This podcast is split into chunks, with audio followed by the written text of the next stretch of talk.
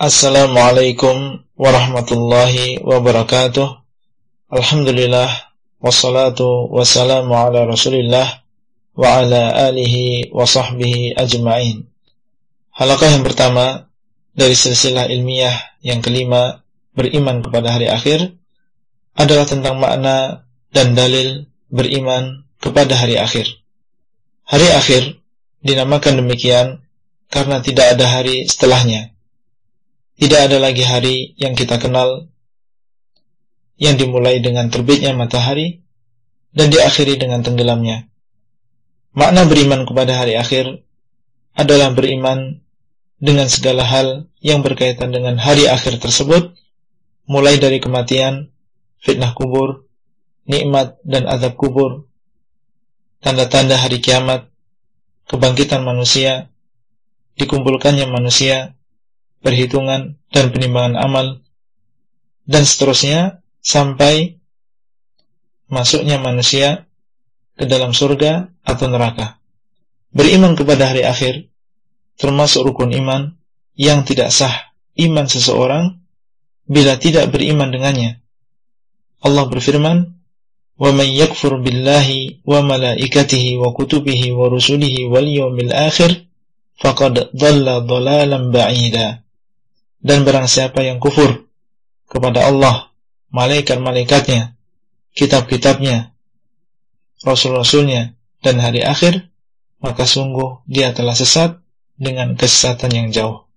An-Nisa 136 Rasulullah SAW bersabda ketika ditanya tentang apa itu iman, antu'mina billahi wa malaikatihi wa kutubihi wa rusulih wal yawmil akhir wa tu'mina bil qadari khairihi wa. Engkau beriman kepada Allah, malaikat-malaikatnya, kitab-kitabnya, rasul-rasulnya, dan juga hari akhir, dan engkau beriman dengan takdir yang baik maupun yang buruk. Hadis riwayat Muslim. Tidak ada yang mengetahui kapan terjadinya hari kiamat kecuali Allah Subhanahu wa taala. Yas'alunaka 'anis sa'ati ayyana mursaha Qul innama ilmuha inda rabbi la yujalliha liwaqtiha illahu. Mereka bertanya kepadamu tentang hari kiamat. Kapan terjadinya? Katakanlah, sesungguhnya ilmunya di sisi Rabbku. Tidak mengetahui waktunya kecuali dia. Al-A'raf 187 Malaikat Jibril alaihi salam pernah menjelma sebagai seorang laki-laki dan datang kepada Rasulullah SAW dan bertanya tentang kapan hari kiamat terjadi. Maka beliau Shallallahu Alaihi Wasallam menjawab, "Mal mas'ulu anha bi'a'lama minasail." Tidaklah yang ditanya lebih mengetahui daripada yang bertanya. Hadis riwayat Muslim. Apabila malaikat Jibril yang paling dekat dengan Allah SWT dan Rasulullah SAW, Nabi yang paling dekat dengan Allah, tidak mengetahui kapan terjadinya hari kiamat, maka bagaimana selain keduanya bisa mengetahui? Yang lebih penting daripada itu bagi seorang hamba yang berakal adalah mempersiapkan bekal yang cukup untuk menghadapi hari tersebut. Itulah yang bisa kita sampaikan pada halakah yang pertama ini dan sampai bertemu kembali pada halakah selanjutnya. Wabillahi taufiq wal hidayah. Wassalamualaikum warahmatullahi wabarakatuh. Madinah An-Nabawiyah, saudaramu Abdullah Rai. Materi audio ini disampaikan di dalam grup WA Halakoh Silsilah Ilmiah HSI Abdullah Rai. Assalamualaikum warahmatullahi wabarakatuh. Alhamdulillah wassalatu wassalamu ala Rasulillah ala alihi wa sahbihi ajma'in.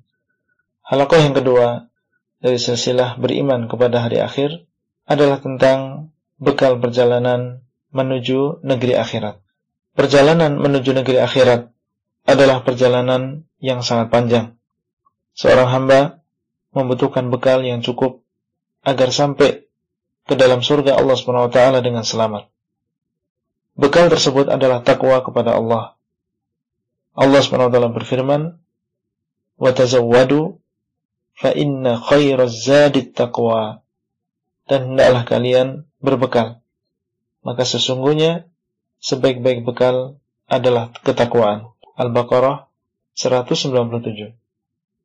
Bertakwa kepada Allah adalah melaksanakan perintah Allah berdasarkan dalil yang sahih dengan niat mengharap pahala dari Allah SWT dan menjauhi kemaksiatan kepada Allah berdasarkan dalil yang sahih karena takut dengan adab Allah SWT.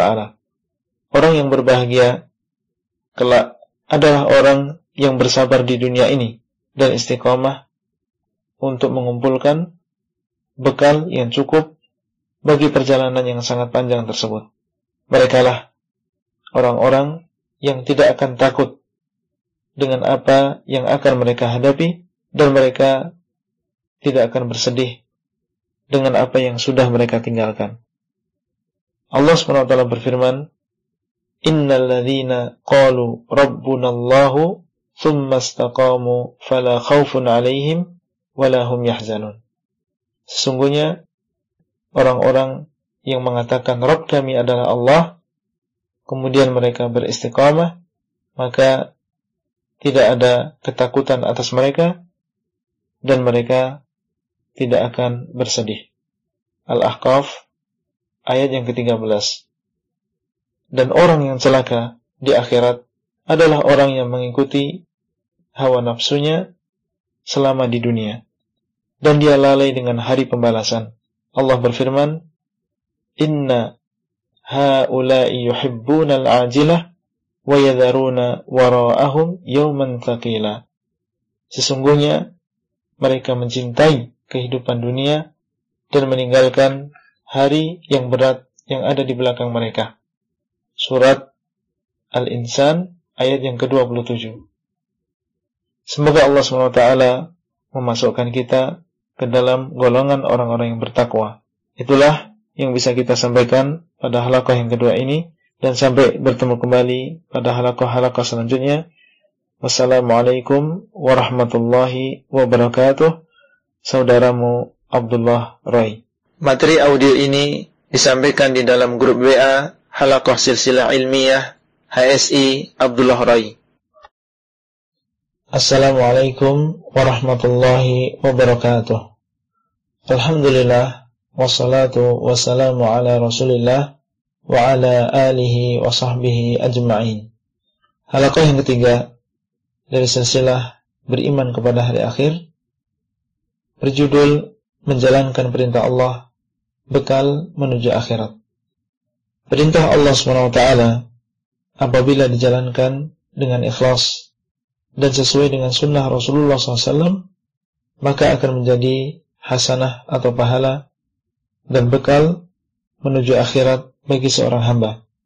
Perintah yang paling dicintai oleh Allah SWT adalah apa yang Allah wajibkan.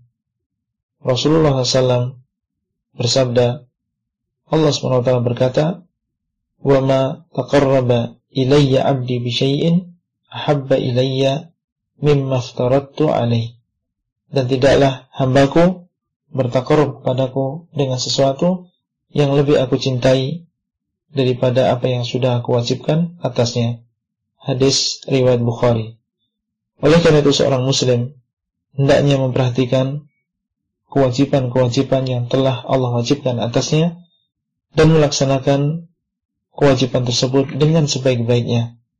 Kewajiban di sini ada yang berkaitan dengan hak Allah seperti tauhid, sholat lima waktu, puasa Ramadan, haji bagi yang wajib dan lain-lain.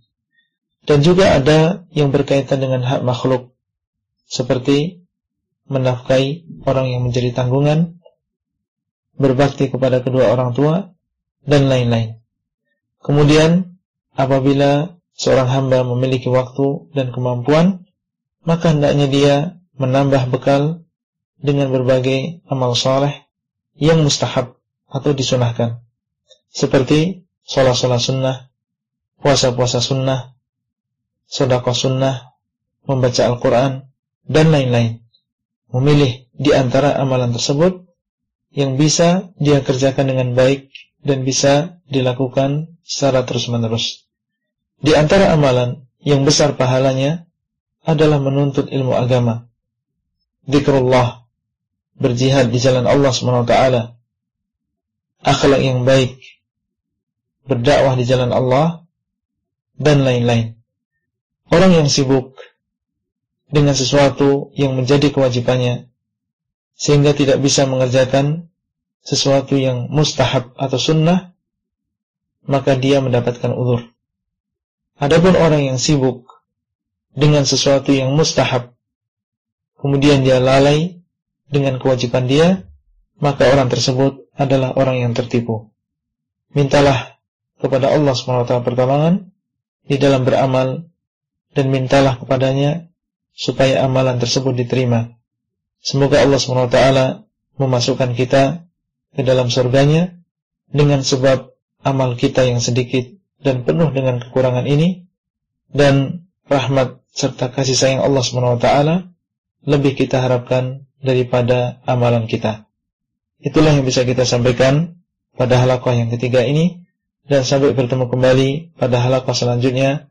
Wassalamualaikum warahmatullahi wabarakatuh. Saudaramu Abdullah Rai. Materi audio ini disampaikan di dalam grup WA Halakoh Silsilah Ilmiah HSI Abdullah Rai. Assalamualaikum warahmatullahi wabarakatuh. Alhamdulillah wassalatu wassalamu ala Rasulillah wa ala alihi wa sahbihi ajma'in. Halakoh yang keempat dari silsilah beriman kepada hari akhir adalah meninggalkan kemaksiatan merupakan bekal menuju akhirat. Meninggalkan kemaksiatan apabila dilakukan karena takut kepada Allah berdasarkan dalil yang sahih maka ini akan menjadi pahala bagi seorang hamba. Sebaliknya kemaksiatan apabila dilakukan seorang hamba maka itu akan menjadi sayyi'ah. Dosa yang membahayakan keselamatan dia di akhirat kelak. Dosa bertingkat-tingkat. Dan dosa yang paling berbahaya adalah dosa yang mengekalkan pelakunya di dalam neraka apabila dia mati dan tidak bertobat dari dosa tersebut. Yang pertama adalah kufur besar atau kekafiran, yaitu menentang apa yang dibawa oleh seorang utusan Allah SWT seperti menentang tauhid, mendustakan kenabian, seorang Rasulullah mengingkari syariat yang beliau bawa padahal dia mengetahui bahwasanya itu adalah syariatnya atau mengejek dan mengolok-olok Allah, Rasulnya dan juga ayat-ayatnya dan lain-lain. Allah berfirman, "Walladzina kafaru kadzdzabu biayatina ulaika ashabun nari hum fiha khalidun." Dan orang-orang yang kufur dan mendustakan ayat-ayat kami, mereka lah penghuni neraka, mereka kekal di dalamnya. Al-Baqarah ayat 39. Yang kedua adalah syirik besar. Syirik ini lebih khusus daripada kekufuran. Setiap syirik adalah kekufuran dan tidak setiap kekufuran adalah syirik. Allah berfirman, "Innahu man yusyrik billahi faqad harramallahu alaihi al-jannah wa ma'wahu an-nar wa ma lidh-dhalimin min ansar. Sesungguhnya barang siapa yang menyekutukan Allah Subhanahu wa taala maka sungguh Allah Subhanahu wa taala akan mengharamkan atasnya surga dan tempat kembalinya adalah neraka dan tidak ada penolong bagi orang-orang yang berbuat zalim. Al-Maidah 72. Yang ketiga adalah nifak besar yaitu menyembunyikan kekufuran di dalam hati dan menampakkan keimanan dengan lisan dan perbuatan. Orang munafik termasuk orang kafir, bahkan lebih besar dosanya daripada orang kafir yang menampakkan kekafirannya dan di akhirat azab mereka lebih dahsyat. Allah SWT berfirman, "Innal munafiqina fid darkil asfali minan nar, walan tajida lahum nasira." Sesungguhnya orang-orang munafik berada di lapisan paling bawah dari neraka dan engkau tidak akan mendapatkan penolong bagi mereka. An-Nisa 145 Alhamdulillah yang telah memberikan kita petunjuk kepada Islam kalau bukan karena Allah SWT niscaya kita tidak mendapatkan petunjuk semoga Allah SWT memberikan kita ketetapan hati di atas agama Islam ini sampai kita bertemu dengannya itulah yang bisa kita sampaikan Wassalamualaikum warahmatullahi wabarakatuh. Saudaramu Abdullah Rai di kota Al-Madinah. Materi audio ini disampaikan di dalam grup WA Halakoh Silsilah Ilmiah HSI Abdullah Rai. Assalamualaikum warahmatullahi wabarakatuh. Alhamdulillah wassalatu wassalamu ala Rasulillah wa ala alihi wa sahbihi ajma'in.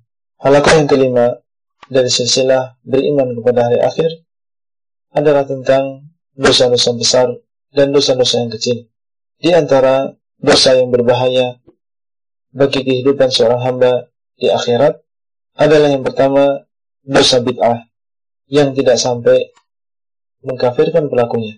Bid'ah secara istilah syariat adalah cara yang diadakan di dalam agama yang menyerupai syariat dimaksudkan untuk berlebih-lebihan di dalam bertakarrub kepada Allah SWT dan bid'ah adalah perkara yang paling jelek.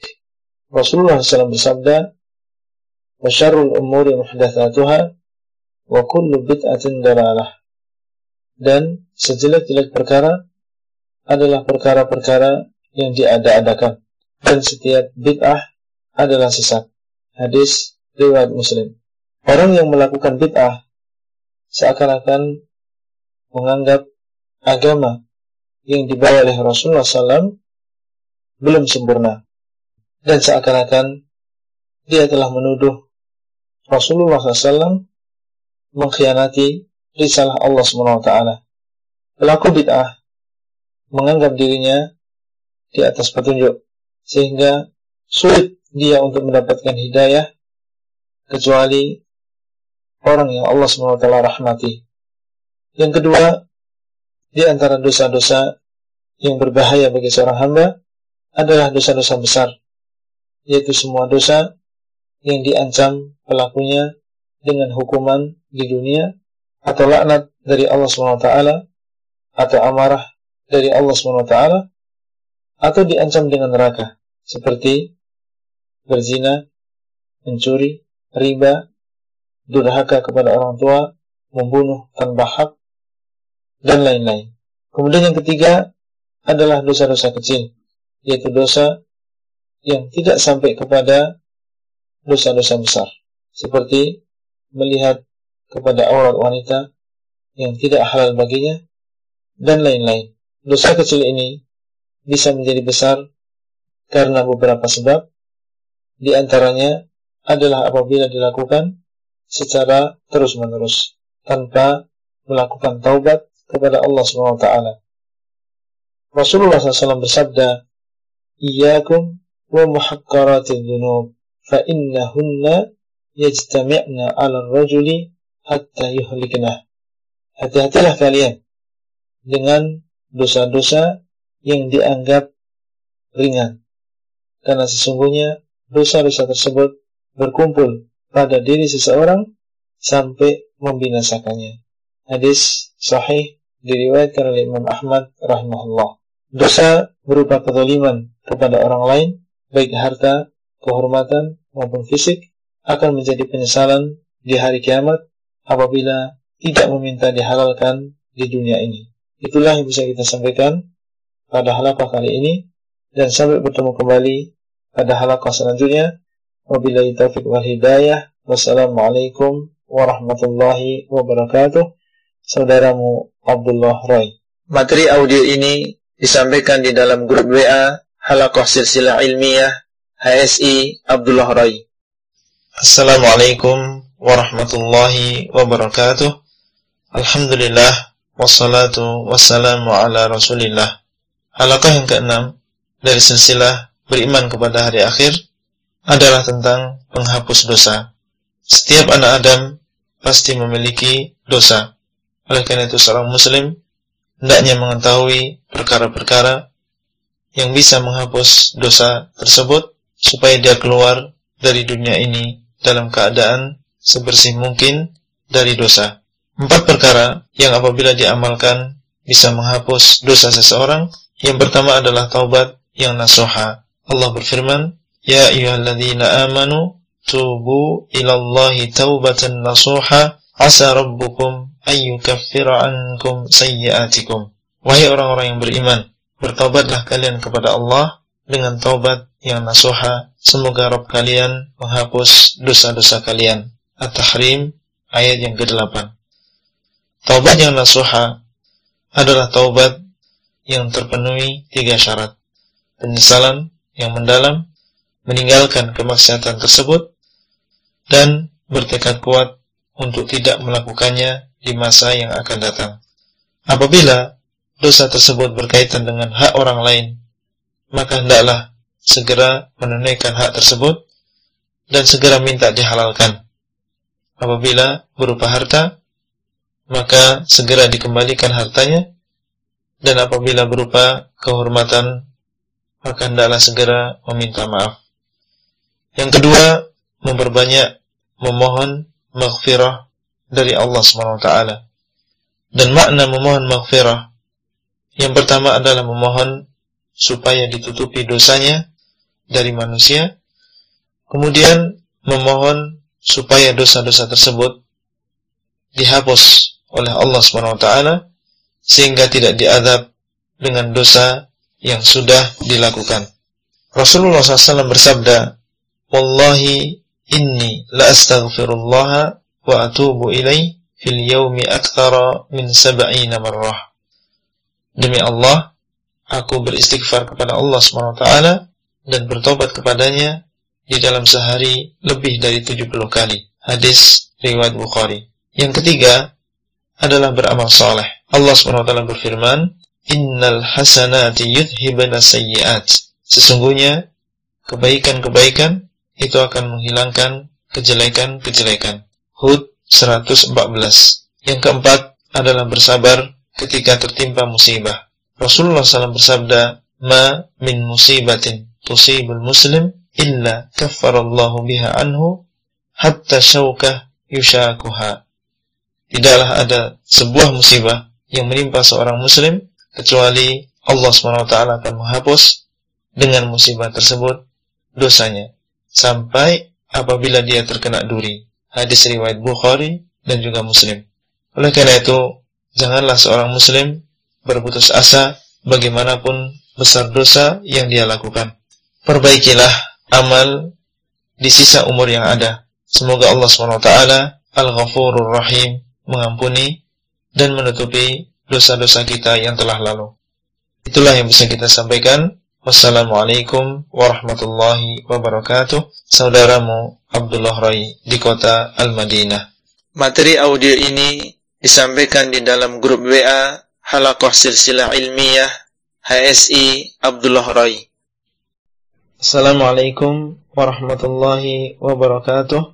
Alhamdulillah wassalatu wassalamu ala Rasulillah.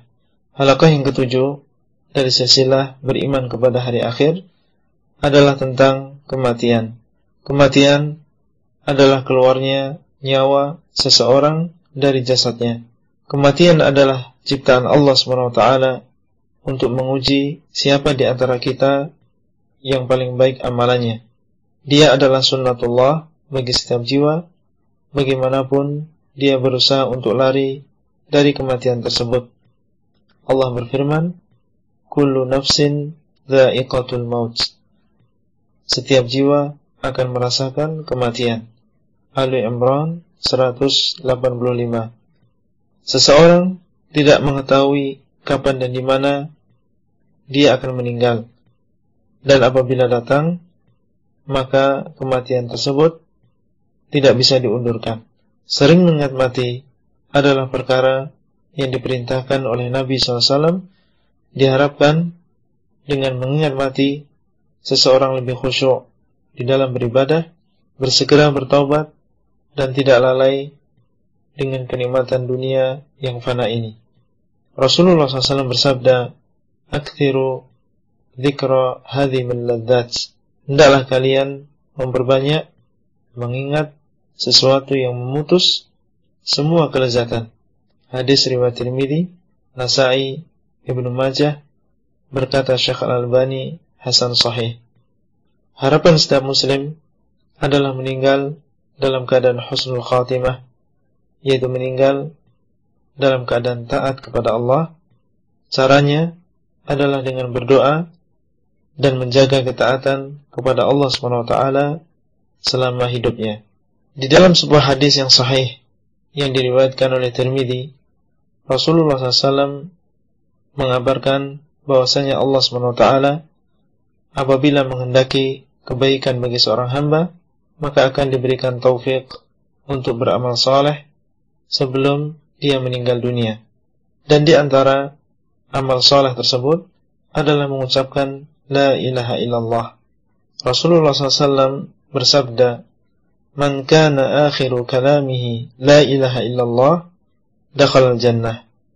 Barang siapa ucapan terakhirnya adalah la ilaha illallah, maka dia akan masuk ke dalam surga.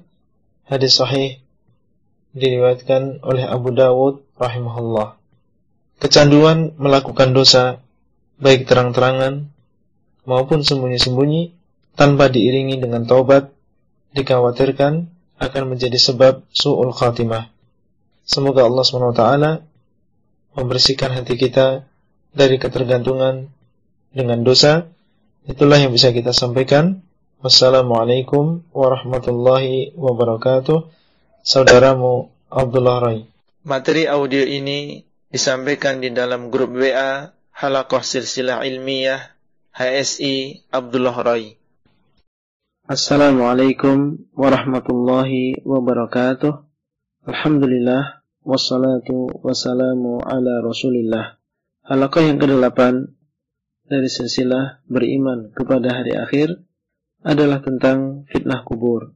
Di antara beriman kepada hari akhir adalah beriman dengan adanya fitnah kubur. Fitnah secara bahasa artinya adalah ujian.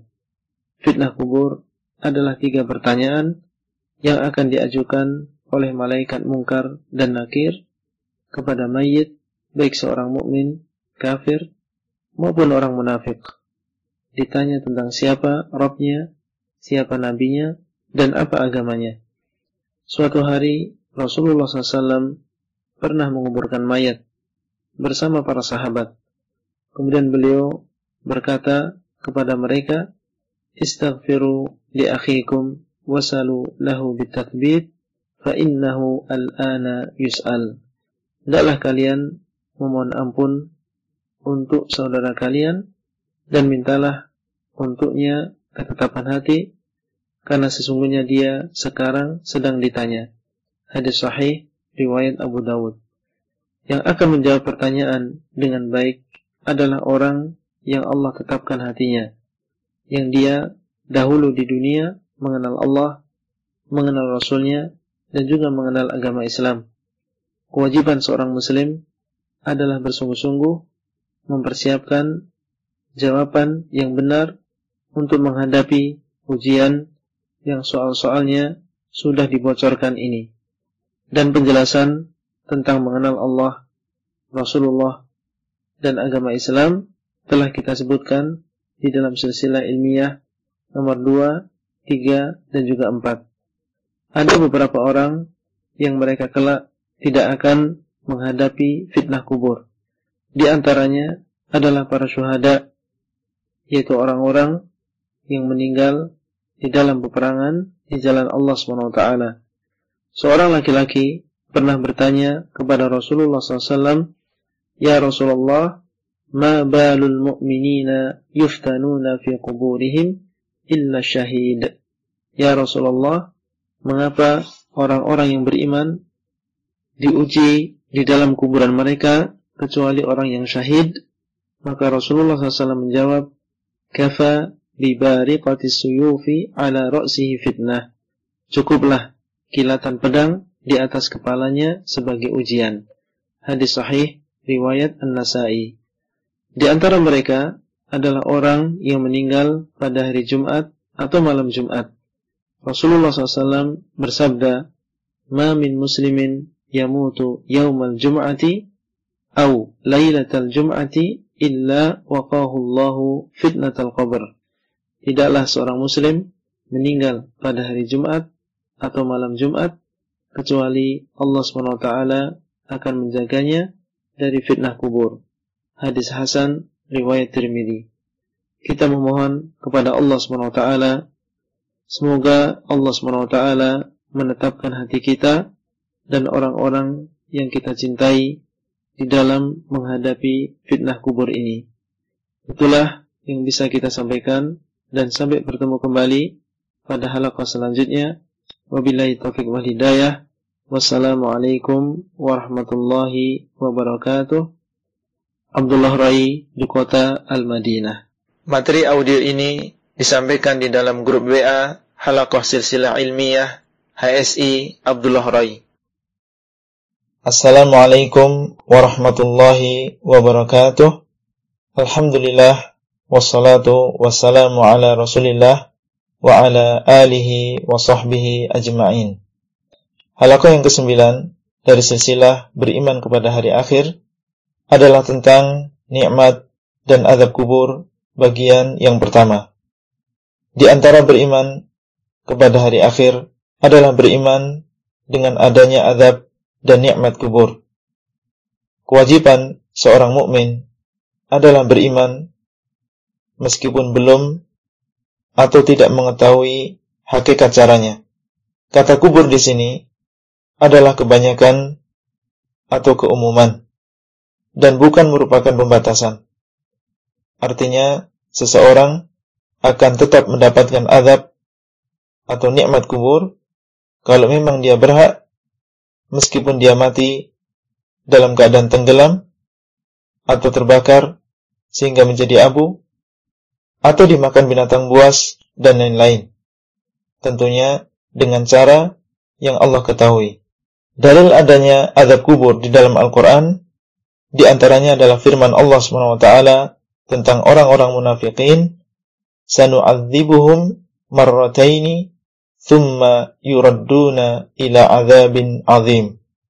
Kami akan mengadab mereka dua kali, kemudian mereka akan dikembalikan kepada azab yang besar. At-Taubah 101. Al-Imam At-Tabari rahimahullah berkata di dalam tafsirnya, azab yang pertama adalah di dunia dan azab yang kedua adalah di kubur. Di dalam hadis Al-Bara Ibnu Azib radhiyallahu anhu yang panjang yang menceritakan tentang fitnah, nikmat dan azab kubur, Rasulullah SAW bersabda, "Ista'idhu billahi min azabil qabr." Hendaklah kalian berlindung kepada Allah dari azab kubur.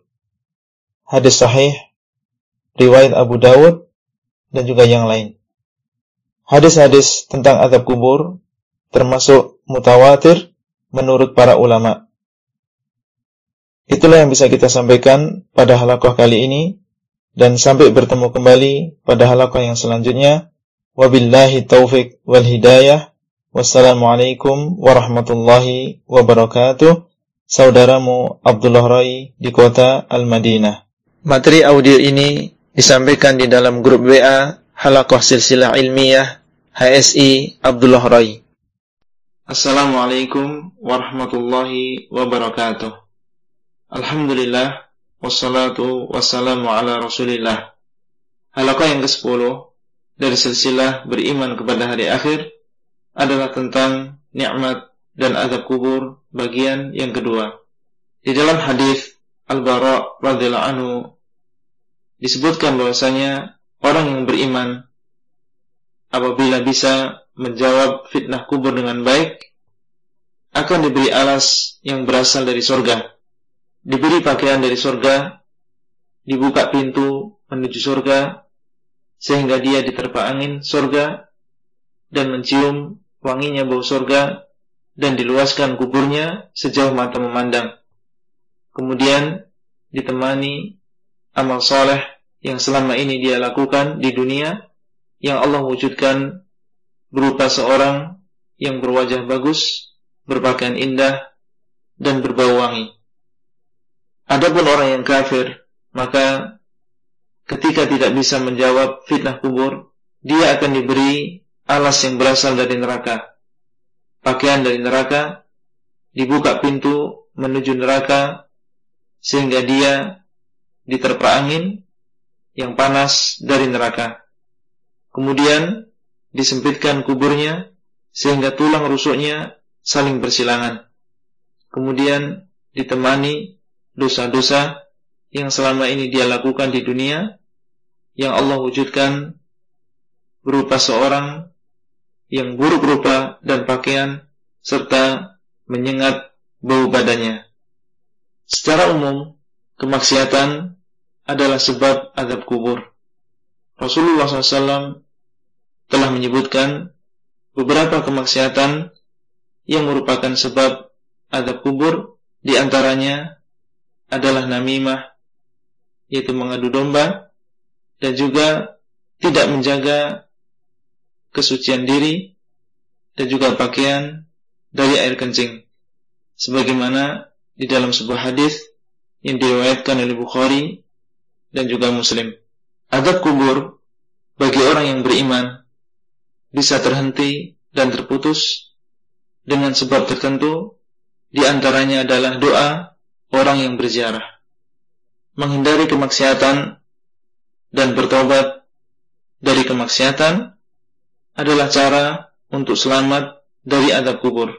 Doa sebelum salam yang diajarkan Rasulullah SAW hendaknya jangan diremehkan meskipun hukumnya sunnah.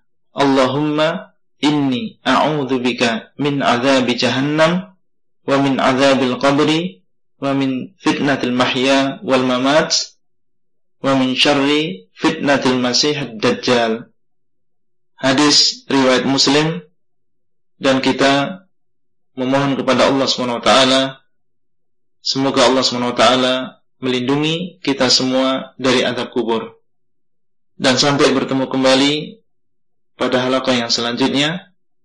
Wassalamualaikum warahmatullahi wabarakatuh. Abdullah Rai di kota Rasulullah sallallahu alaihi wasallam. Materi audio ini disampaikan di dalam grup WA Halaqah Silsilah Ilmiah HSI Abdullah Rai. Assalamualaikum warahmatullahi wabarakatuh. Alhamdulillah wassalatu wassalamu ala Rasulillah wa ala alihi wa sahbihi ajma'in. Halaqah yang ke-11 dari silsilah beriman kepada hari akhir adalah tentang tanda-tanda hari kiamat yang sudah terjadi dan telah berlalu. Hari kiamat adalah hari akhir dunia ini. Allah SWT mengabarkan bahwa hari tersebut sudah dekat, yaitu apabila dibandingkan dengan umur dunia ini secara keseluruhan.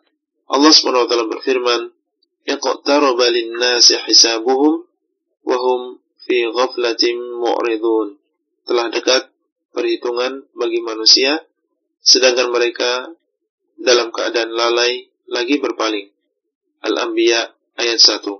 Tanda-tanda terjadinya hari kiamat sudah mulai bermunculan. Allah SWT berfirman, "Fahal yanzuruna illa sa'ata an ta'tiyahum baghtatan faqad jaa asyratuha. Maka mereka tidaklah menunggu kecuali hari kiamat yang akan datang dengan tiba-tiba, maka sungguh telah datang tanda-tandanya. Surat Muhammad ayat yang ke-18. Di antara tanda-tanda hari kiamat yang sudah terjadi dan telah berlalu adalah diutusnya Nabi kita Muhammad sallallahu alaihi wasallam. Beliau sallallahu alaihi wasallam pernah bersabda, "Bu'ittu ana wasa'atu kahataini." Diutusnya aku dan bangkitnya hari kiamat adalah seperti dua jari ini, yaitu jari tengah dan jari telunjuk. Hadis riwayat Bukhari dan juga Muslim. Dan di antara tanda-tanda hari kiamat yang sudah terjadi dan telah berlalu adalah terbelahnya bulan. Allah SWT berfirman, "Yaqattarubatis sa'atu wan syaqqal qamar." Telah dekat hari kiamat dan telah terbelah bulan. Al-Qamar ayat 1. Dan telah terbelah bulan menjadi dua di zaman Rasulullah SAW ketika orang-orang musyrikin di awal dakwah beliau meminta bukti kerasulan beliau sallallahu alaihi wasallam. Kemudian beliau SAW mengatakan kepada mereka, lihatlah, lihatlah. Hadis riwayat Muslim. Dua tanda di atas sudah terjadi kurang lebih 1400 tahun yang lalu. Tentunya semakin dekatnya hari kiamat, hendaklah membuat seorang muslim segera sadar dari kelalaian dia selama ini. Itulah yang bisa kita sampaikan dan sampai bertemu kembali pada halaqah yang selanjutnya. Wassalamualaikum warahmatullahi wabarakatuh. Saudaramu Abdullah Rai. Materi audio ini disampaikan di dalam grup WA Halakoh Silsilah Ilmiah HSI Abdullah Rai. Assalamualaikum warahmatullahi wabarakatuh. Alhamdulillah wassalatu wassalamu ala Rasulillah wa ala alihi wa sahbihi ajma'in. Halaqah yang ke-12 dari silsilah beriman kepada hari akhir adalah tentang tanda-tanda hari kiamat yang sudah terjadi dan sedang terjadi. Di antaranya, yang pertama adalah keluarnya nabi-nabi palsu setelah Nabi Muhammad wasallam. Rasulullah SAW bersabda, tidak akan datang hari kiamat sampai datang para pendusta mendekati 30 orang. Semuanya mengaku sebagai utusan Allah hadis riwayat Bukhari dan Muslim. Sebagian ulama mengatakan yang dimaksud dengan nabi-nabi palsu di dalam hadis ini adalah orang-orang yang mengaku menjadi nabi setelah Rasulullah SAW dan mereka memiliki banyak pengikut seperti Musailamah Al-Kadzab, Al-Aswad Al-Ansi, Mukhtar Al-Thaqafi, dan lain-lain. Adapun orang yang mengaku sebagai nabi dan diikuti oleh segelintir manusia, maka ini banyak dan lebih dari 30 orang. Yang kedua, berlombanya orang-orang yang dahulunya miskin dalam membangun bangunan. Rasulullah SAW ketika ditanya oleh malaikat Jibril tentang sebagian tanda-tanda hari kiamat, maka beliau mengatakan, engkau akan melihat orang yang dahulunya tidak beralas kaki, tidak berpakaian, orang miskin, penggembala kambing. Mereka saling berlomba-lomba dalam meninggikan bangunan. Hadis riwayat Muslim. Kemudian di antara tanda-tanda hari kiamat yang sudah terjadi dan sedang terjadi, yang ketiga adalah disandarkannya pekerjaan kepada orang yang tidak berhak. Rasulullah SAW bersabda yang artinya apabila amanat sudah disia-siakan maka tunggulah hari kiamat. Beliau ditanya, Ya Rasulullah, bagaimana menyanyiakan amanat? Maka beliau SAW mengatakan, apabila sebuah perkara sudah disandarkan kepada orang yang tidak berhak, maka tunggulah hari kiamat. Hadis riwayat Bukhari. Dan betapa banyak di zaman kita amanat diberikan kepada orang yang tidak berhak. Kemudian yang keempat adalah salam hanya untuk orang yang dikenal. Rasulullah SAW bersabda di dalam sebuah hadis yang sahih yang diriwayatkan oleh Imam Ahmad, "Inna min ashratis sa'ah idza kanat at-tahiyyatu 'ala al-ma'rifah." Sesungguhnya di antara tanda-tanda hari kiamat apabila salam itu hanya diberikan kepada orang yang dikenal. Petunjuk Nabi Shallallahu Alaihi Wasallam adalah memberikan salam kepada orang yang dikenal maupun yang tidak dikenal. Benar apa yang dikabarkan oleh Rasulullah SAW dan apa yang beliau sampaikan semuanya adalah wahyu dari Allah SWT. Hal ini hendaknya menambah keimanan bagi seorang muslim dan hendaknya dia waspada dan mempersiapkan diri sebaik-baiknya menghadapi hari kiamat yang sudah semakin dekat ini. Itulah yang bisa kita sampaikan. Wassalamualaikum warahmatullahi wabarakatuh. Saudaramu Abdullah Rai. Materi audio ini disampaikan di dalam grup WA Halakoh Silsilah Ilmiah HSI Abdullah Rai. Assalamualaikum warahmatullahi wabarakatuh. Alhamdulillah wassalatu wassalamu ala Rasulillah wa ala alihi wa sahbihi ajma'in. Halaqah yang ke-13 dari silsilah beriman kepada hari akhir adalah tentang tanda-tanda dekatnya hari kiamat yang belum terjadi. Di antaranya adalah keluarnya Imam Mahdi.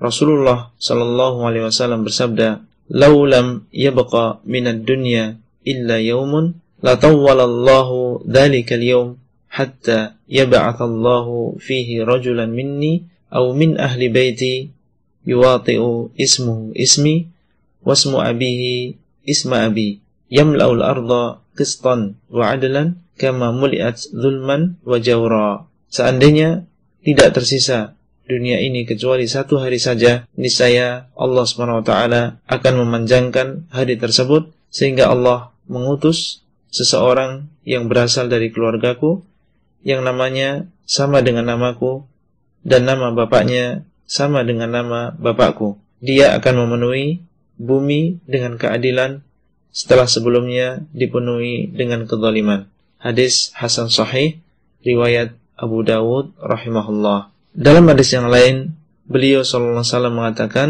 "Al-Mahdi minni ajlal jabha aqnal anf yamla'ul arda qistan wa adla kama muliat jawran wa dhulma wa yamliku sab'a sinin." Al-Mahdi adalah dari keluargaku. Luas dahinya, mancung hidungnya akan memenuhi bumi dengan keadilan setelah bumi ini penuh dengan kezaliman dan akan berkuasa selama tujuh tahun. Hadis Hasan riwayat Abu Dawud rahimahullah. Dan hadis-hadis yang sahih tentang keluarnya Imam Mahdi mutawatir makna diriwayatkan oleh 26 sahabat Nabi sallallahu alaihi wasallam. Kewajiban seorang muslim adalah beriman dengan seyakin-yakinnya dengan keluarnya Imam Mahdi tersebut sebagaimana disifatkan di dalam hadis-hadis yang sahih. Dan waspadalah dengan orang-orang yang mengaku sebagai Imam Mahdi atau diyakini pengikutnya sebagai Imam Mahdi. Imam Mahdi bukanlah yang sembunyi di gua selama lebih dari seribu tahun. Beliau akan muncul kelak sebelum datangnya Dajjal dan sebelum turunnya Nabi Isa alaihissalam. Beliau adalah imam yang soleh yang muncul di tengah-tengah manusia menegakkan amar ma'ruf dan nahi mungkar. Itulah yang bisa kita sampaikan pada halaqah kali ini dan sampai bertemu kembali pada halaqah selanjutnya. Wassalamualaikum warahmatullahi wabarakatuh. Saudaramu Abdullah Rai di kota Al-Madinah. Materi audio ini disampaikan di dalam grup WA Halaqah Silsilah Ilmiah HSI Abdullah Rai. Assalamualaikum warahmatullahi wabarakatuh. Alhamdulillah wassalatu wassalamu ala Rasulillah wa ala alihi wa sahbihi ajma'in. Halaqah yang ke-14 dari silsilah beriman kepada hari akhir adalah tentang tanda-tanda besar dekatnya hari kiamat. Tanda-tanda besar dekatnya hari kiamat adalah 10 tanda menjelang datangnya hari kiamat yang apabila sudah muncul 10 tanda tersebut maka akan terjadilah hari kiamat. Tanda-tanda besar tersebut Apabila muncul satu, maka akan segera diikuti oleh yang lain. Suatu saat, Nabi Muhammad SAW melihat para sahabat sedang saling berbicara. Maka beliau bertanya, apa yang sedang kalian bicarakan? Mereka pun menjawab, kami sedang mengingat hari kiamat. Kemudian beliau SAW berkata, Innaha lan taquma hatta tarawna qablaha ashra ayat. Sesungguhnya tidak akan bangkit hari kiamat tersebut sampai kalian melihat sebelumnya sepuluh tanda-tanda. Kemudian beliau SAW menyebutkan sepuluh tanda tersebut. Pertama, asap. Kedua, dajjal. Ketiga, dabbah, seekor hewan melata. Keempat, terbitnya matahari dari barat. Kelima, turunnya Nabi Isa ibnu Maryam. Keenam, Ya'juj dan Ma'juj. Ketujuh, khosf atau terbenamnya sebagian tanah di timur. Kedelapan, khosf di barat. Kesembilan, khosf di Jazirah Arab. Kesepuluh, dan ini yang terakhir, adalah api yang keluar dari Yaman yang menggiring manusia ke padang pengumpulan. Hadis ini sahih diriwayatkan oleh Imam Muslim. Apa yang tersebut dalam hadis di atas bukanlah berurutan dan insya Allah akan kita pelajari satu persatu dari tanda-tanda tersebut pada halakoh-halakoh selanjutnya. Itulah yang bisa kita sampaikan dan sampai bertemu kembali pada halakoh selanjutnya. Wassalamualaikum warahmatullahi wabarakatuh. Abdullah Rai di kota Al-Madinah. Materi audio ini disampaikan di dalam grup WA Halakoh Silsilah Ilmiah HSI Abdullah Rai. Assalamualaikum warahmatullahi wabarakatuh. Alhamdulillah wassalatu wassalamu ala Rasulillah wa ala alihi wa sahbihi ajma'in. Halaqah yang ke-15 dari silsilah beriman kepada hari akhir adalah tentang Dajjal bagian yang pertama. Dajjal yang secara bahasa artinya adalah pendusta besar merupakan seorang manusia keturunan Nabi Adam alaihissalam yang di akhir zaman Allah swt akan menjadikan dia sebagai fitnah terbesar dalam sejarah manusia. Rasulullah SAW bersabda, ma baina khalqi Adam ila qiyamis sa'ah khalqun akbaru minad dajjal. Tidak ada fitnah antara penciptaan Adam sampai hari kiamat yang lebih besar daripada fitnah Dajjal hadis riwayat Muslim. Sebelum keluarnya Dajjal, bumi dalam keadaan kemarau yang sangat panjang. Manusia sangat membutuhkan air dan juga makanan. Dajjal muncul dan mengaku sebagai Tuhan Rabbul Alamin. Allah SWT memberikan dia kemampuan untuk bergerak cepat, menurunkan hujan, dan menumbuhkan tanaman. Dia membawa sesuatu yang menyerupai surga dan neraka. Sehingga orang-orang yang tidak mengenal Allah SWT seperti orang-orang musyrik, kafir, dan munafik, mereka pun mengikuti Dajjal. Di antaranya adalah 70 ribu orang Yahudi Asbahan. Hadis riwayat Muslim. Dan Asbahan adalah nama sebuah daerah. Sampai ada seseorang yang awalnya menyangka dirinya beriman setelah melihat perkara yang luar biasa pada diri Dajjal, akhirnya dia mengikuti Dajjal tersebut. Hadis sahih riwayat Abu Dawud. Setiap nabi telah mengingatkan umatnya fitnah Dajjal ini. Rasulullah SAW bersabda, Inni undirukumuh wa ma min nabiyyin illa qad andarahu qawmahu laqad andarahu Nuhun qawmahu. Sesungguhnya aku akan memperingatkan kalian tentang Dajjal dan tidaklah seorang nabi kecuali dia telah memperingatkan kaumnya dari Dajjal. Demikian pula Nuh alaihissalam. Hadis riwayat Bukhari. Dajjal sekarang ada di sebuah pulau, Tamim Ad-Dari, seorang sahabat Nabi Shallallahu Alaihi Wasallam, saat masih beragama Nasrani, dia dan beberapa orang temannya pernah terdampar di pulau tersebut. Mereka melihat Dajjal dalam keadaan terikat kuat, bahkan sempat terjadi dialog antara mereka dengan Dajjal. Kemudian Tamim mengabarkan pertemuan dan dialog ini kepada Nabi Shallallahu Alaihi Wasallam setelah masuk Islam dan dibenarkan oleh Nabi Shallallahu Alaihi Wasallam. Hadis ini sahih diriwayatkan oleh Imam Muslim. Itulah yang bisa kita sampaikan pada pertemuan kali ini dan sampai bertemu kembali pada halaqah selanjutnya. Wassalamualaikum warahmatullahi wabarakatuh. Abdullah Rai di kota Rasulullah Sallallahu Alaihi Wasallam. Materi audio ini disampaikan di dalam grup WA Halakoh Silsilah Ilmiah HSI Abdullah Rai. Assalamualaikum warahmatullahi wabarakatuh. Alhamdulillah wassalatu wassalamu ala Rasulillah wa ala alihi wa sahbihi ajma'in. Halaqah yang ke-16 dari silsilah beriman kepada hari akhir adalah tentang Dajjal bagian yang kedua. Rasulullah SAW sebagai seorang nabi yang sangat menginginkan keselamatan bagi umatnya telah menyebutkan di dalam hadis-hadis yang sahih tentang ciri-ciri Dajjal. Di antaranya bahwasanya Dajjal adalah orang yang gemuk badannya, kulitnya berwarna merah, rambutnya keriting, mata kanannya buta, mata kirinya seperti anggur, dan tertulis di antara kedua matanya tiga huruf kaf, fa, ro.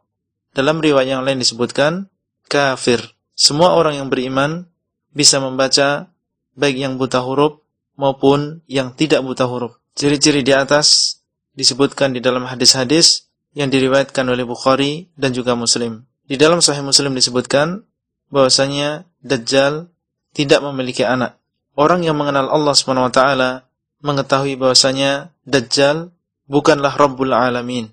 Mereka tahu bahwasanya Allah tidak dilihat di dunia dan Allah tidak buta sebelah. Adapun kehebatan yang dimiliki oleh Dajjal maka semuanya adalah dengan izin Allah SWT untuk menguji keimanan para hamba. Rasulullah SAW bersabda, "Fa'in ulbisa alaikum rabbukum fa'alamu anna rabbakum tabaraka wa ta'ala laisa bi'a'war wa innakum lan tarawna rabbakum tabaraka wa ta'ala hatta tamutu."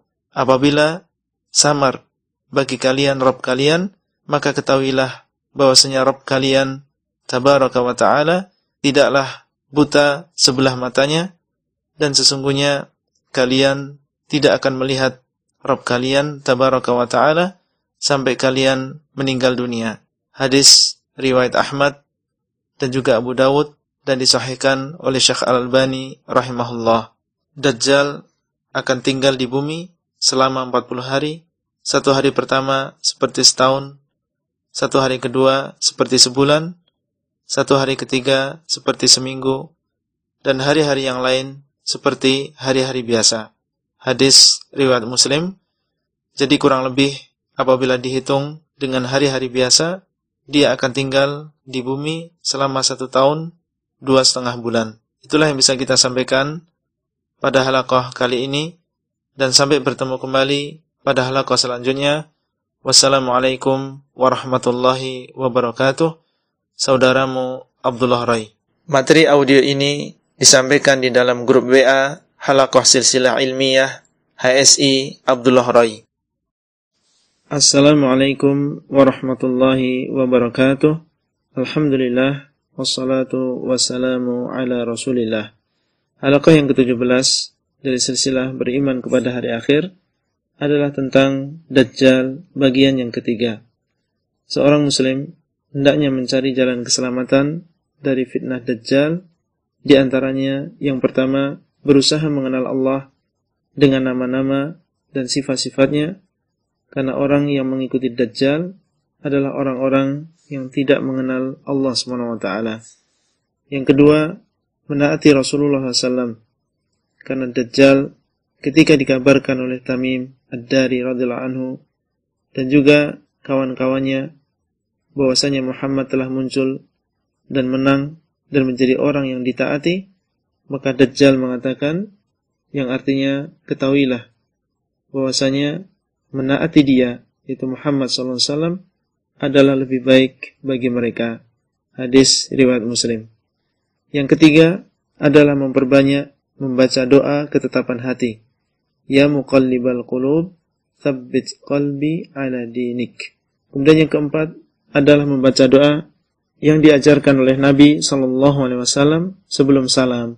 Allahumma inni a'udzu bika min adzabi jahannam wa min adzabil qabri mahya wal mamat wa min syarri fitnatil masihid dajjal. Sebagian pendahulu kita dahulu menyuruh anaknya untuk mengulang sholat lagi apabila tidak membaca doa ini ketika sholat. Yang kelima adalah berusaha menjauh dari Dajjal apabila mendengar tentang kedatangannya. Karena Dajjal memiliki syubhat, kerancuan, yang bisa menggoyahkan iman seseorang. Rasulullah SAW bersabda yang artinya, barang siapa yang mendengar tentang Dajjal, maka hendaklah menjauh darinya, karena demi Allah, sesungguhnya seseorang mendatangi Dajjal dan dia menyangka bahwasanya dia adalah beriman, ternyata kemudian dia mengikuti Dajjal tersebut karena melihat syubhat yang dimiliki oleh Dajjal tersebut. Hadis sahih riwayat Abu Dawud. Di dalam sahih Muslim disebutkan bahwasanya manusia akan pergi ke gunung-gunung untuk menghindari Dajjal. Kemudian yang keenam, apabila mampu, maka hendaklah dia pergi ke dua tanah haram, Mekah dan juga Madinah. Karena keduanya tidak bisa dimasuki oleh Dajjal. Hadis riwayat Bukhari dan juga Muslim. Kemudian yang ketujuh, apabila terpaksa bertemu dengan Dajjal, maka hendaklah dia bersabar tetap di atas kebenaran dan tidak menaati Dajjal tersebut. Dan hendaknya dia membaca 10 ayat yang pertama dari surat Al-Kahfi. Rasulullah SAW bersabda yang artinya, Barang siapa di antara kalian yang menemui Dajjal, maka hendaklah dia membaca awal dari surat Al-Kahfi. Hadis riwayat Muslim. Dalam hadis yang lain beliau mengatakan, barang siapa yang menghafal 10 ayat yang pertama dari surat Al-Kahfi, maka dia akan terjaga dari Dajjal. Hadis riwayat Muslim. Kemudian yang kedelapan, apabila melihat Dajjal membawa dua sungai, sungai dari api dan sungai dari air, maka petunjuk Nabi Shallallahu Alaihi Wasallam hendaknya kita memejamkan mata, menundukkan kepala, kemudian meminum dari sungai api, karena sebenarnya itu adalah air yang dingin. Hadis riwayat Muslim. Dajjal muncul di masa Imam Mahdi sebelum turunnya Nabi Isa alaihissalam dan akan dibunuh oleh Nabi Isa. Kewajiban seorang Muslim adalah beriman dengan munculnya Dajjal sebagaimana dikabarkan Nabi SAW di dalam hadis-hadis yang sahih Dajjal bukanlah khayalan atau simbol kerusakan semata semoga Allah SWT melindungi kita dan keluarga kita dari fitnah Dajjal itulah yang bisa kita sampaikan dan sampai bertemu kembali pada halaqah selanjutnya wassalamualaikum warahmatullahi wabarakatuh Abdullah Rai di kota Al-Madinah materi audio ini disampaikan di dalam grup WA Halakoh Silsilah Ilmiah HSI Abdullah Rai. Assalamualaikum warahmatullahi wabarakatuh.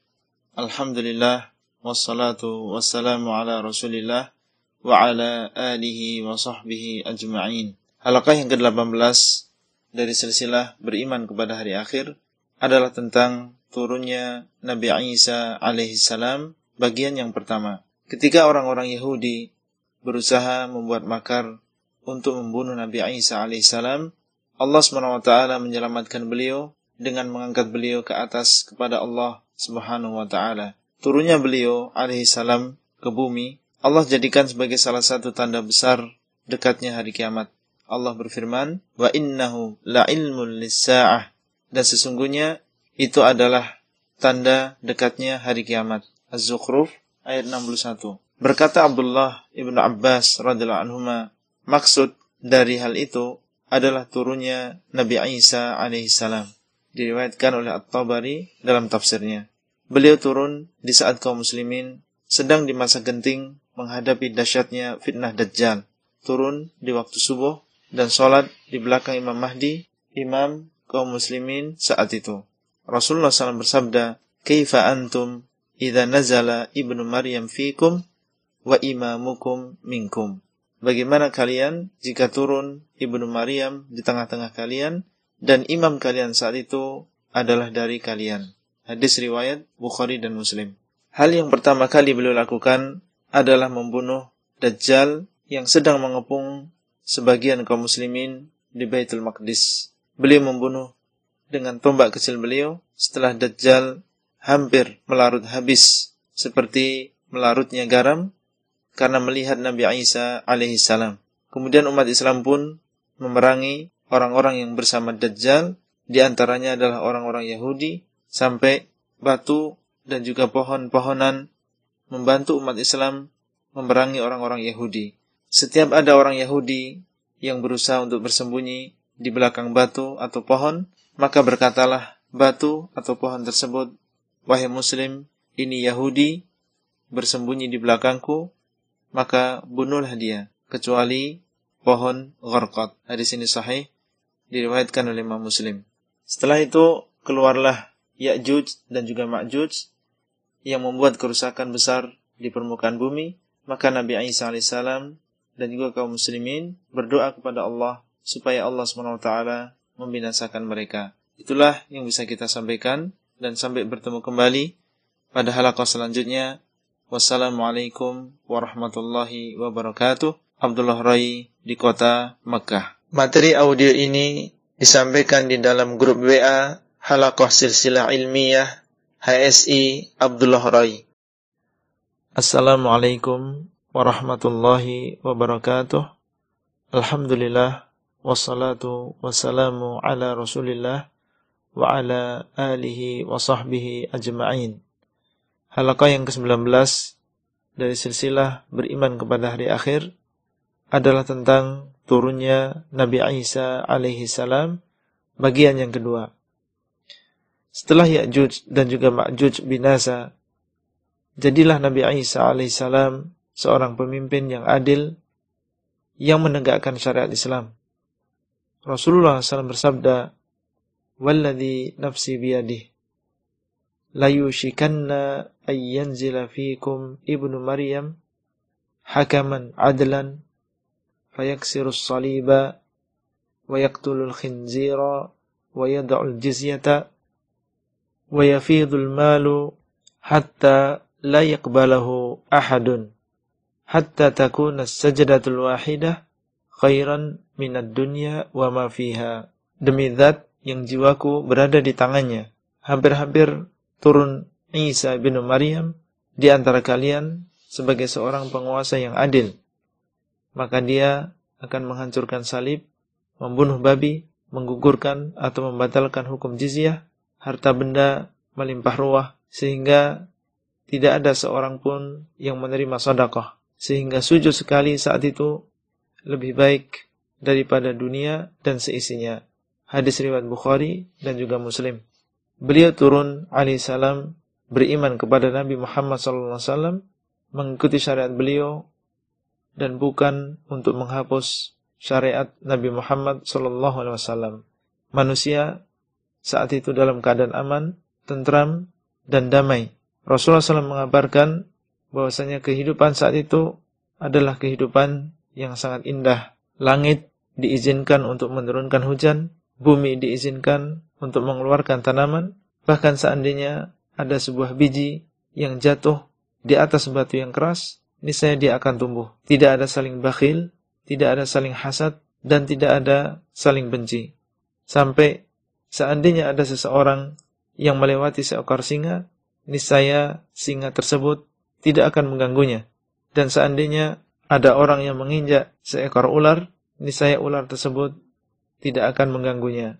Hadis sahih diriwayatkan oleh Ad-Dailami. Di dalam sahih Muslim disebutkan bahwasanya beliau alaihissalam akan melakukan haji dan umrah. Dan di dalam hadis yang lain disebutkan bahwasanya beliau akan tinggal di bumi selama 40 tahun. Kemudian meninggal dan disolatkan oleh orang Islam. Hadis ini sahih, diriwayatkan oleh Abu Dawud. Itulah yang bisa kita sampaikan pada kesempatan kali ini dan sampai bertemu kembali pada halaqah selanjutnya. Wassalamualaikum warahmatullahi wabarakatuh. Abdullah Rai di kota Al-Madinah. Materi audio ini disampaikan di dalam grup WA Halaqah Silsilah Ilmiah HSI Abdullah Rai. Assalamualaikum warahmatullahi wabarakatuh. Alhamdulillah wassalatu wassalamu ala Rasulillah wa ala alihi wa sahbihi ajma'in. Halaqah yang ke-20 dari silsilah beriman kepada hari akhir adalah tentang Ya'juj dan Ma'juj Bagian yang pertama, Ya'juj dan Ma'juj adalah nama dua umat manusia keturunan Nabi Adam alaihissalam. Mereka sudah ada di zaman Dzulqarnain dan membuat kerusakan di permukaan bumi. Allah SWT dengan rahmatnya telah melindungi manusia dari mereka. Dzulqarnain telah membuat dinding raksasa dari besi dan tembaga untuk mencegah mereka keluar sampai waktu yang ditentukan oleh Allah SWT. Di dalam hadis yang sahih yang diriwayatkan oleh Ibnu Majah rahimahullah, Rasulullah SAW menyebutkan bahwasanya Ya'juj dan Ma'juj menggali setiap hari dan berusaha untuk keluar. Ketika hampir mereka melihat sinar matahari, maka sebagian mereka mengatakan, kembalilah kalian, besok kita akan menggali kembali. Dan mereka tidak mengatakan, insya Allah. Maka Allah SWT mengembalikan galian mereka seperti sedia kala. Seakan-akan belum mereka gali. Demikian setiap hari. Sampai ketika sudah waktunya mereka keluar, sebagian mereka mengatakan, setelah selesai menggali, kembalilah kalian, besok insya Allah kita akan menggali lagi. Maka pada esok harinya, mereka mendapatkan galian mereka. Dan akhirnya, mereka pun bisa keluar. Suatu hari, Rasulullah SAW pernah mengabarkan bahwa di zaman beliau dinding tersebut telah terbuka sedikit seperti lingkaran yang dibentuk ibu jari dengan jari telunjuk. Hadis riwayat Bukhari. Kalau sudah mendekat hari kiamat, maka dinding tersebut akan hancur dan mereka pun akan keluar. Allah SWT berfirman, فَإِذَا جَاءَ وَعْدُ رَبِّي جَعَلَهُ دَكَّاءَ وَكَانَ وَعْدُ رَبِّي حَقًّا وَتَرَكْنَا بَعْضَهُمْ يَوْمَئِذٍ يَمُوجُ فِي بَعْضٍ Dzulkarnain berkata, apabila datang janji Robku, maka Robku akan menghancur leburkan dinding tersebut. Maka kami akan biarkan mereka pada hari itu bercampur antara satu dengan yang lain. Al-Kahfi 9899 dan mereka akan dengan cepat keluar sebagaimana firman Allah SWT hatta idza futihat Ya'juj wa Ma'juj wa hum min kulli hadabin yansilun. Hingga apabila dibuka Ya'juj dan Ma'juj dan mereka turun dengan cepat dari seluruh tempat yang tinggi. Al-Anbiya 96. Allah SWT telah menjadikan keluarnya Ya'juj dan Ma'juj sebagai salah satu tanda-tanda besar dekatnya hari kiamat. Itulah yang bisa kita sampaikan pada halakoh kali ini dan sampai bertemu kembali pada halakoh selanjutnya. Wassalamualaikum warahmatullahi wabarakatuh. Abdullah Rai di kota Al-Madinah. Materi audio ini disampaikan di dalam grup WA Halakoh Silsilah Ilmiah HSI Abdullah Rai. Assalamualaikum warahmatullahi wabarakatuh. Alhamdulillah wassalatu wassalamu ala Rasulillah wa ala alihi wa sahbihi ajma'in. Halakah yang ke-21 dari silsilah beriman kepada hari akhir adalah tentang Ya'juj dan Ma'juj bagian yang kedua. Ya'juj dan Ma'juj keluar setelah binasanya Dajjal. Allah SWT mewahyukan kepada Nabi Isa alaihissalam, Inni qad akhrajtu ibadli la yudanu li ahadin biqitalihim faharris ibadi ila tur. Sesungguhnya aku telah mengeluarkan hamba-hambaku, itu Ya'juj dan Ma'juj, yang tidak seorang pun bisa melawan mereka. Maka kumpulkanlah hamba-hambaku, yaitu kaum muslimin, ke Gunung Tur. Hadis riwayat Muslim. Jumlah mereka sangat banyak ketika orang-orang yang ada di bagian depan melewati sebuah sungai dan meminumnya, maka yang berada di akhir tidak mendapatkan air tersebut dan mengatakan dahulu di sini ada airnya. Hadis riwayat Muslim. Manusia lari dari Ya'juj dan Ma'juj dan bersembunyi di benteng-benteng mereka.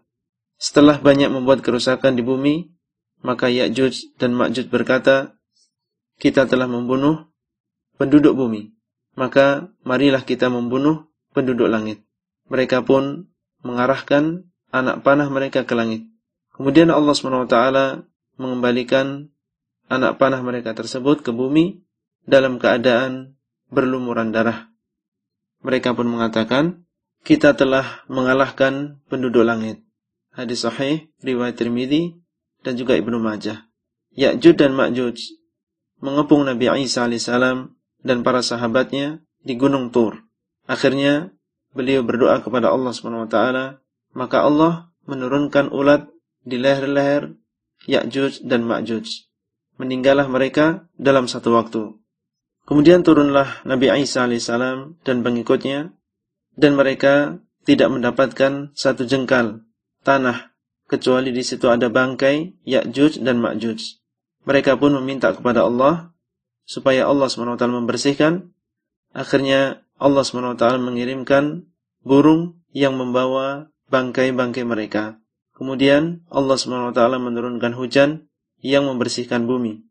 Hadis ini sahih, riwayat Muslim. Dalam hadis yang sahih yang lain yang diriwayatkan oleh Ibnu Majah, Rasulullah SAW bersabda, kaum muslimin akan menggunakan bekas busur, anak panah, dan tameng, kayu, Ya'jud dan Ma'jud sebagai kayu bakar selama tujuh tahun. Ini menunjukkan banyaknya jumlah Ya'juj dan juga Ma'juj. Itulah yang bisa kita sampaikan pada halakoh kali ini. Dan sampai bertemu kembali pada halakoh selanjutnya. Wassalamualaikum warahmatullahi wabarakatuh. Abdullah Rai di kota Al-Madinah. Materi audio ini disampaikan di dalam grup WA Halakoh Silsilah Ilmiah HSI Abdullah Rai. Assalamualaikum warahmatullahi wabarakatuh. Alhamdulillah wassalatu wassalamu ala Rasulillah wa ala alihi wa sahbihi ajma'in. Halakoh yang ke-22 dari silsilah beriman kepada hari akhir adalah tentang keadaan Islam setelah meninggalnya Nabi Isa alaihissalam dan munculnya tanda-tanda besar hari kiamat yang lain. Setelah jaya di zaman Nabi Isa alaihissalam melemahlah Islam kembali sedikit demi sedikit dan akan diangkat Al-Quran. Rasulullah SAW bersabda yang artinya Islam akan hilang sedikit demi sedikit seperti hilangnya lukisan pada pakaian sehingga tidak diketahui apa itu puasa, salat, menyembelih, dan juga sedekah akan pergi Al-Quran dalam satu malam, sehingga tidak tersisa satu ayat pun. Dan akan ada beberapa kelompok manusia, laki-laki tua dan wanita tua, mereka mengatakan, kami mendapatkan nenek moyang kami dahulu di atas kalimat La ilaha illallah. Maka kami pun mengatakannya. Hadis sahih, riwayat Ibnu Majah akan datang masa di mana banyak perzinaan dilakukan secara terang-terangan di pinggir jalan. Hadis riwayat Muslim. Tidak ada haji ke Baitullah. Hadis riwayat Bukhari. Dan Ka'bah akan dihancurkan oleh sebagian orang. Hadis riwayat Muslim. Manusia akan kembali ke zaman jahiliyah, bahkan lebih parah. Akan kembali tersebar penyembahan terhadap berhala, dan merekalah orang-orang yang akan menyaksikan dahsyatnya hari kiamat. Rasulullah SAW bersabda, La taqumu sa'atu illa ala shiraril khalq. Hum syarrun min ahlil jahiliyah.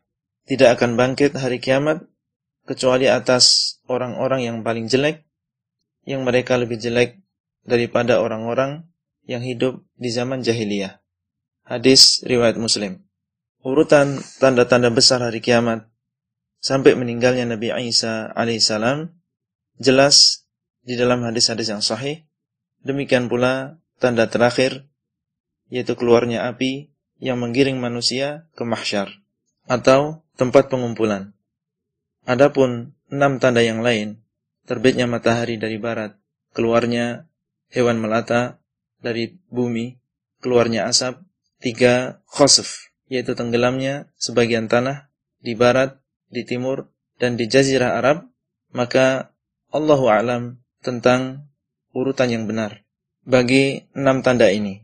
Hanya Rasulullah SAW telah mengabarkan bahwasanya antara terbitnya matahari dari barat dan keluarnya seekor hewan melata dari bumi, ini jaraknya sangat dekat.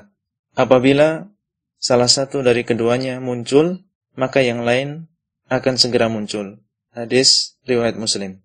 Itulah yang bisa kita sampaikan pada halakoh kali ini dan sampai bertemu kembali pada halakoh selanjutnya. Wassalamualaikum warahmatullahi wabarakatuh. Abdullah Rai di kota Al-Madinah. Materi audio ini disampaikan di dalam grup WA Halakoh Silsilah Ilmiah HSI Abdullah Rai. Assalamualaikum warahmatullahi wabarakatuh. Alhamdulillah wassalatu wassalamu ala Rasulillah wa ala alihi wa sahbihi ajma'in. Halaqah yang ke-23 dari silsilah beriman kepada hari akhir adalah tentang terbitnya matahari dari barat. Matahari setiap harinya meminta izin kepada Allah untuk terbit dari timur sampai ketika sudah waktunya maka Allah SWT tidak mengizinkan matahari untuk terbit dari timur dan menyuruhnya kembali dari tempat dia datang, yaitu arah barat. Akhirnya, terbitlah matahari dari barat. Hadis ini sahih, diriwayatkan oleh Al-Imam Al-Bukhari rahimahullah. Terbitnya matahari dari barat adalah termasuk tanda-tanda besar dekatnya hari kiamat. Apabila manusia melihatnya, maka mereka akan beriman semuanya dan akan yakin bahwa kiamat memang sudah dekat. Allah SWT berfirman, Hal yanduruna illa an ta'tiyahumul malaikatu aw ya'tiya rabbuk aw ya'tiya ba'du ayati rabbik yawma ya'ti ba'du ayati rabbik la yanfa'u nafsan imanuha lam takun amanat min qabl aw kasabat fi imaniha khaira qul intadhiru inna muntadhirun tidaklah mereka menunggu kecuali kedatangan para malaikat yaitu malaikat maut atau kedatangan Allah atau kedatangan sebagian tanda-tanda kebesaran Allah. Hari ketika datang sebagian tanda-tanda kebesaran Tuhanmu tidak akan bermanfaat iman seseorang yang tidak beriman sebelumnya atau belum beramal kebaikan di dalam imannya. Katakanlah, tunggulah, sesungguhnya kita juga menunggu. Al-An'am 158. Di dalam hadis yang diriwayatkan oleh Bukhari dan Muslim, Rasulullah SAW menafsirkan bahwa tanda kebesaran Allah di dalam ayat ini adalah terbitnya matahari dari barat. Saat itu, orang kafir bertaubat dari kekafirannya, orang yang beriman yang sebelumnya menyia-nyiakan amal soleh, maka dia akan bertobat dan beramal soleh, namun pintu taubat di kala itu sudah tertutup dan amal tidak akan diterima karena dilakukan di saat terpaksa kecuali orang mukmin yang sebelum munculnya matahari dari barat sudah beriman dan beramal soleh, maka amalannya akan diterima. Oleh karena itu, seorang muslim hendaknya segera bertobat kepada Allah SWT dari segala dosa, bagaimanapun besar dosa yang dia miliki, dan jangan menundanya. Rasulullah SAW bersabda, Man taba qabla an tatlu'a syams min maghribiha taballahu alaih. Barang siapa yang bertobat sebelum terbitnya matahari dari barat, maka Allah SWT akan menerima taubatnya. Hadis riwayat Muslim. Itulah yang bisa kita sampaikan pada halakoh kali ini dan sampai bertemu kembali pada halakoh selanjutnya. Wassalamualaikum warahmatullahi wabarakatuh. Abdullah Rai di kota Al-Madinah. Materi audio ini disampaikan di dalam grup WA Halakoh Silsilah Ilmiah HSI Abdullah Rai. Assalamualaikum warahmatullahi wabarakatuh. Alhamdulillah wassalatu wassalamu ala Rasulillah. Halakoh yang ke-24 dari silsilah beriman kepada hari akhir adalah tentang keluarnya seekor hewan melata dari bumi dan keluarnya asap. Termasuk tanda besar dekatnya hari kiamat adalah keluarnya seekor hewan melata yang aneh dari bumi yang bisa berbicara dengan manusia. Allah SWT berfirman, "Wa idza waqa'al qawlu 'alaihim akhrajna lahum dabbatan minal ardi tukallimuhum anna an-nasa kanu biayatina la yuqinun." Dan apabila telah datang keputusan atas mereka, maka kami akan keluarkan untuk mereka seekor hewan melata dari bumi yang akan berbicara kepada manusia bahwa manusia dahulu tidak yakin dengan ayat-ayat kami. An-Naml 82 hewan tersebut akan keluar di waktu duha sebagaimana di dalam Sahih Muslim dan dia akan menandai orang kafir di hidungnya sebagai tanda kekafirannya. Maka manusia masing-masing dengan jelas akan mengetahui siapa yang mukmin dan siapa yang kafir. Di dalam sebuah hadis yang sahih yang diriwayatkan oleh Imam Ahmad, Rasulullah SAW bersabda yang artinya akan keluar seekor hewan melata dan akan menandai manusia pada hidung-hidung mereka. Di antara tanda besar hari kiamat adalah keluarnya asap. Allah SWT berfirman, "Fartaqib yauma ta'ti as-samaa'u bi dukhanin mubin yaghshan nas hadza 'adzabun alim." Maka tunggulah hari di mana langit akan membawa asap yang nyata yang menutupi manusia. Inilah adab yang pedih. Ad-Dukhan 10 sampai 11. Ibnu Abbas radhiyallahu anhu berpendapat bahwa maksud ayat ini adalah asap yang akan keluar di akhir zaman sebagai salah satu tanda dekatnya hari kiamat. Dan asap ini merupakan adab dan siksaan bagi orang-orang kafir. Itulah yang bisa kita sampaikan pada kesempatan kali ini. Wassalamualaikum warahmatullahi wabarakatuh.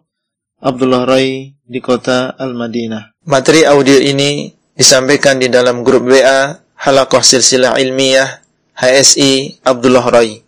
Assalamualaikum warahmatullahi wabarakatuh. Alhamdulillah wassalatu wassalamu ala Rasulillah. Halaqah yang ke-25 dari silsilah beriman kepada hari akhir adalah tentang meninggalnya orang-orang yang beriman sebelum hari kiamat, terbenamnya tanah secara besar-besaran di tiga tempat, dan keluarnya api dari Yaman. Sebelum terjadinya hari kiamat, Allah SWT akan mengirim angin yang mencabut nyawa semua orang yang beriman, sehingga tidak tersisa di dunia kecuali sejelek-jelek manusia.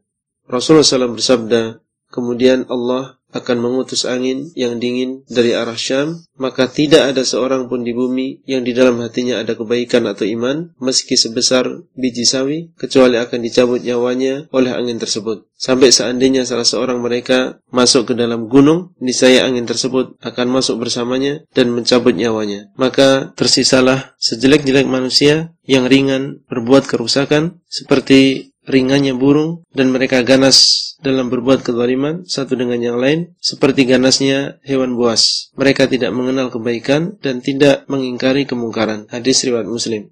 Di dalam sebuah hadis yang juga diriwayatkan oleh Imam Muslim disebutkan bahwasanya Allah Swt mengutus angin tersebut dari Yaman. Sebagian ulama mengatakan bahwasanya angin tersebut berasal dari dua arah yaitu Yaman dan juga Syam. Dan di antara tanda-tanda besar hari kiamat adalah akan terbenamnya tanah secara besar-besaran di tiga daerah, timur, barat, dan jazirah Arab, sebagaimana datang di dalam hadis.